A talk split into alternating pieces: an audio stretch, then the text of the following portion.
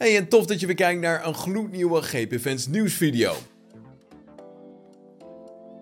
Nick de Vries zag een kans op punten in de Grand Prix van Australië in rook opgaan toen hij bij de laatste herstart van achter werd geraakt door Logan Sargent. Ja, volgens Robert Doornbos moet de Vries al vrezen voor zijn zitje bij AlphaTauri. Zoveel tijd krijg je niet bij Rebel. Marco wordt ongeduldig. Hij moet nu echt wakker worden en ervoor gaan in de aankomende paar races. Dat is het enige wat telt.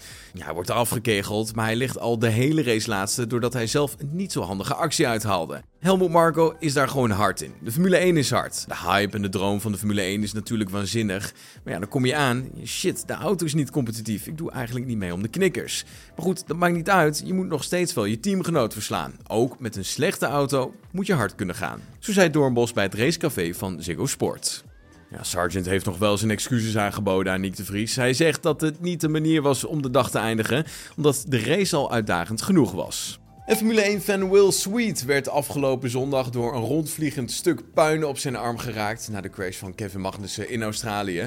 Hij liep uh, gelukkig geen serieuze verwondingen op en kan er gelukkig achteraf wel om lachen. Ja, daarnaast heeft het alles weg van een ongelukkig incident en dat is niet iets dat uh, door de organisatie van de race voorkomen had kunnen worden. De veiligheidshekken in Melbourne voldoen namelijk aan alle eisen vanuit de FIA. George Russell denkt dat Red Bull Racing bang is om de volledige potentie van de RB19, die tot nu toe toch wel redelijk dominant is, te tonen aan de buitenwereld. In de podcast The Checkered Flag laat Russell, die bezig is aan zijn tweede seizoen bij Mercedes, weten dat de Formule 1 nog niet eens de maximale potentie van de RB19 heeft gezien. Dit is volgens de Brit omdat het tot nu toe ook nog niet nodig is geweest, maar ook omdat Red Bull bang is dat de concurrentie probeert het team te verzwakken zouden zeker iets achter. Ik denk dat ze bijna bang zijn om hun volledige potentie te tonen. Hoe sneller ze lijken, des te meer de sport op de een of andere manier zal proberen hen tegen te houden.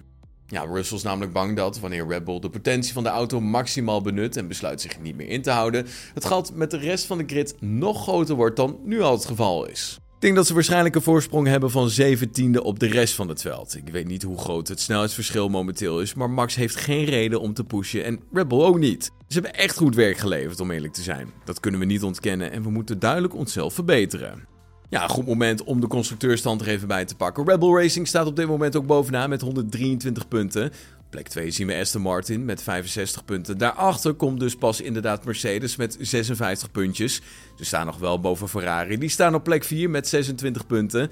Team van McLaren staat met 12 punten op plek 5. Alpine heeft 8 punten tot nu toe gescoord. Het team van Haas staat op de zevende plek met 7 punten. En het team van Guan Yu Zhou en Valtteri Bottas staat op plek 8 met 6 punten. De hekkensluiters van deze lijst zijn AlphaTauri en het team van Williams. Allebei hebben zij 1 punt. Sluit hem af met een social media nieuwtje vanuit uh, Fernando Alonso. Hij laat namelijk weten op zijn Instagram dat hij en Andrea Slagen niet langer meer een koppel zijn. Ja, de liefde tussen die twee is voorbij. We hebben het geluk gehad dat we een fantastische tijd mochten hebben samen. Zo laat hij weten op zijn Instagram.